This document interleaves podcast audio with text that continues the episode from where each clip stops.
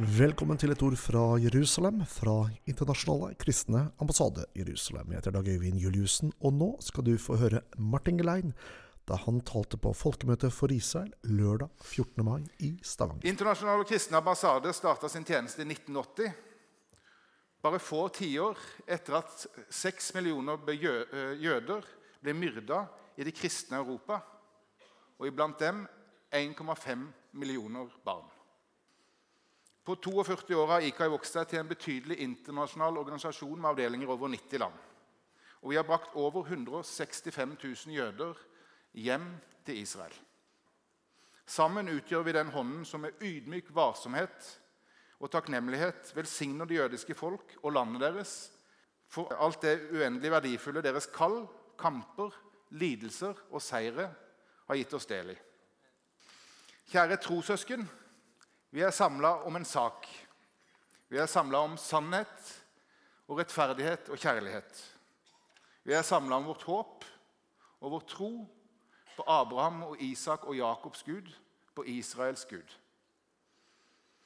Fra Bibelens første sider så åpenbarer Gud noe helt essensielt eh, om hvem han er. Mennesket synder mot Gud, og jeg tenker det var stille i himmelen i forventning til hvordan en hellig Gud ville reagere. Da åpenbarer Gud sitt hjerte og sin kjærlighet. Han leter etter eh, Adam og kaller på ham og finner ham.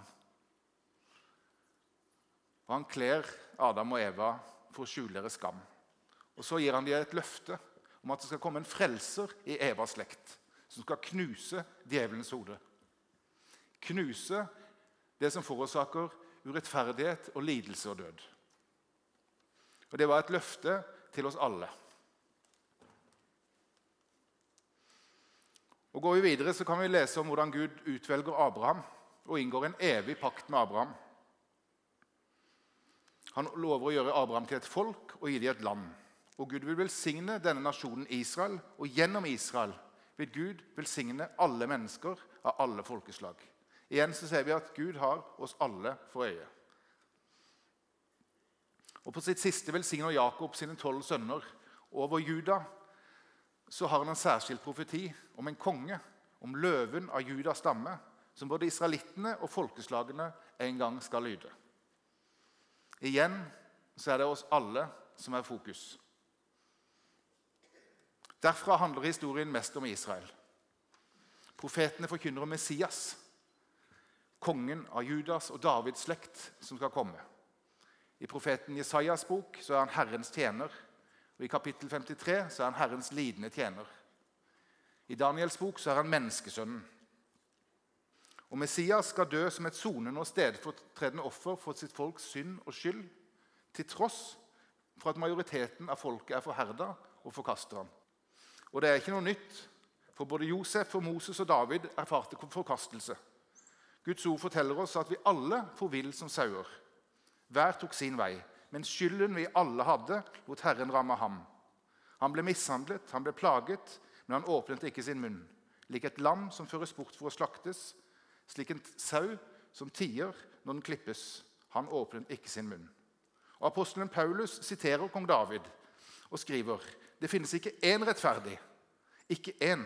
Det finnes ikke én som er forstandig, det finnes ikke én som søker Gud. Alle er avveket, alle er blitt ugudelige.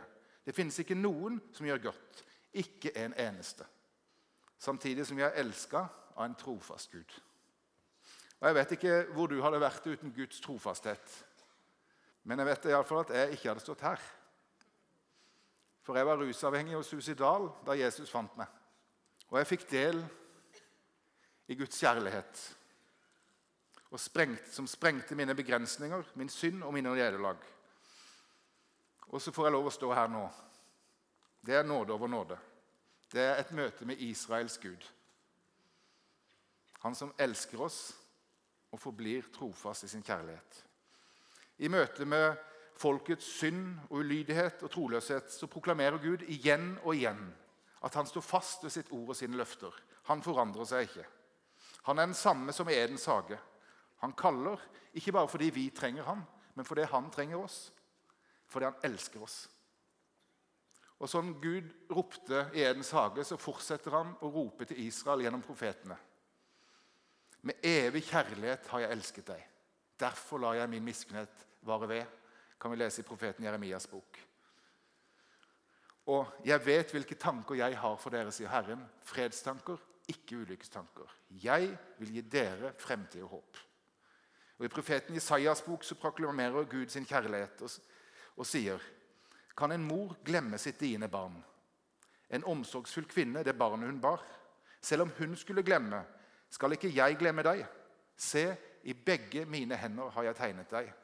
Dine murer står alltid for meg. Løft dine øyne og se deg omkring. Alle samler seg og kommer til deg. Så sant jeg lever, sier Herren. Du skal ta dem på deg alle som et smykke. Som, et, som en brud skal du binde den om deg. Og videre. Så sier Herren, jeg løfter hånden for folkeslag og reiser mitt banner for folkene. De kommer med sønnene dine på armen, og døtrene dine bærer de på skuldrene. Hvilken tid vi lever i, hvilken nåde vi har fått del i, som får lov å være med å oppfylle Guds ord og løfter. 165 000. Tenk på alle de ansiktene. Barn, foreldre og besteforeldre som vi får lov til å velsigne med en varsom hånd. Og vi er bare én av flere aktører, av millioner av evangeliske kristne, som har fått del i Guds kjærlighet til det jødiske folk og landet deres. Vi roser oss ikke i stolthet over det vi har fått del i, men er fast bestemt på å velsigne det jødiske folk tilbake. Og Det siste spørsmålet disiplene fikk spørre Messias om, etter tre år ved hans føtter Etter så mye undervisning eh, fra Jesus, så spør de vil du på den tid gjenreise riket for Israel. De var ikke i tvil om at Jesus skulle gjøre det. Og Jesus bekrefter både at riket skal gjenreises, og at det er han som skal gjøre det. Og profetene, I profetenes forkynnelse så er eh, gjenopprettelsen av Israel en prosess. Først kommer folket hjem. Så er det staten Israel med Jerusalem som hovedstad. Og så skal hele folket komme i et rett forhold til ham. Ved opprettelsen av en ny pakt annerledes enn lovpakten som de brøt, skriver profeten Jeremias. Og Da begynner festen og gleden. Og ingen av oss hadde fått del i noen ting av det vidunderlige vi har erfart, eller noe av det som ligger foran, uten at jødene først vender hjem gjenoppretter Israel med Jerusalem som hovedstad, og hele folket kommer i et rett forhold til ham. Og Før forløsningen så skal alle folkeslag samle seg mot Jerusalem. Og I dag, 2500 år etter de her profetiene, så har vi et organ som heter Forente nasjoner. Og FN produserer flere fordømmende resolusjoner mot den bitte lille jødiske staten alene enn mot alle andre verdens nasjoner til sammen. Og de har én hovedsak de skal dele Jerusalem. Vi kan lese om det i profeten Sakarias bok. Dette er den nye antisemittismen, den politiske antisemittismen. Jødene fremstilles som hjerteløse overgripere og palestinske terrorister som hjelpeløse ofre uten mulighet til å påvirke sin egen skjebne. Det er propaganda, og det er antisemittisme. Israel var ikke bare del av Guds frelsesplan. Israel, landet og folket, er en uløselig del av Guds frelsesplan. Fremdeles handler Gud etter det prinsippet han åpenbarte i pakten med sin venn Abraham. Jeg vil velsigne deg, og gjennom deg vil jeg velsigne alle. Så vår tro og vårt håp er fremdeles kobla til nasjonen Israel, til folket og landet deres.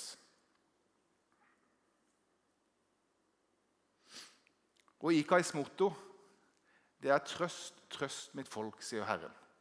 Det er som om Gud inviterer oss alle til å ta del i hans hjerte og være med å trøste hans folk. Å trøste kan handle om bare det å være til stede og være nær. Eller det handler om å møte behov. Ikke ut fra en egen agenda, men ut fra forståelse, empati og genuin kjærlighet. Vi vil gi tilbake det vi har fått, i takknemlighet for Bibelen, for Messias, for evangeliet, for Den hellige ånd. Og vi kunne fortsette, men tida ville bli for kort om vi skulle snakke om forskning og nyvinninger innen medisin, innen teknologi eller sikkerhet. Ingenting, ingenting av noe av det hadde vi fått del i uten det jødiske folks kall og utvelgelse, uten deres kamper, lidelser og seire. Ingenting. Når vi går videre i programmet, så skal vi ta med oss det ene. At ingen av oss, verken jøder eller kristne, hadde vært her akkurat i dag uten Guds trofasthet. Hver og en av oss er en av de stjernene som Abraham i sin utrygghet, sin kamp og sin ensomhet ble kalt av Gud til å telle over Hebrons nattehimmel. Da han bodde i telt med familien sin. Fra begynnelsen av var du og meg regna med. Og Står du i en vanskelig tid og lurer på hvor Gud har blitt av, eller på Guds trofasthet, så se til Israel. Eller se rundt deg. Sammen er vi et vitnesbyrd om Abrahams tro og Guds kjærlighet og trofasthet. Må Gud velsigne oss alle sammen.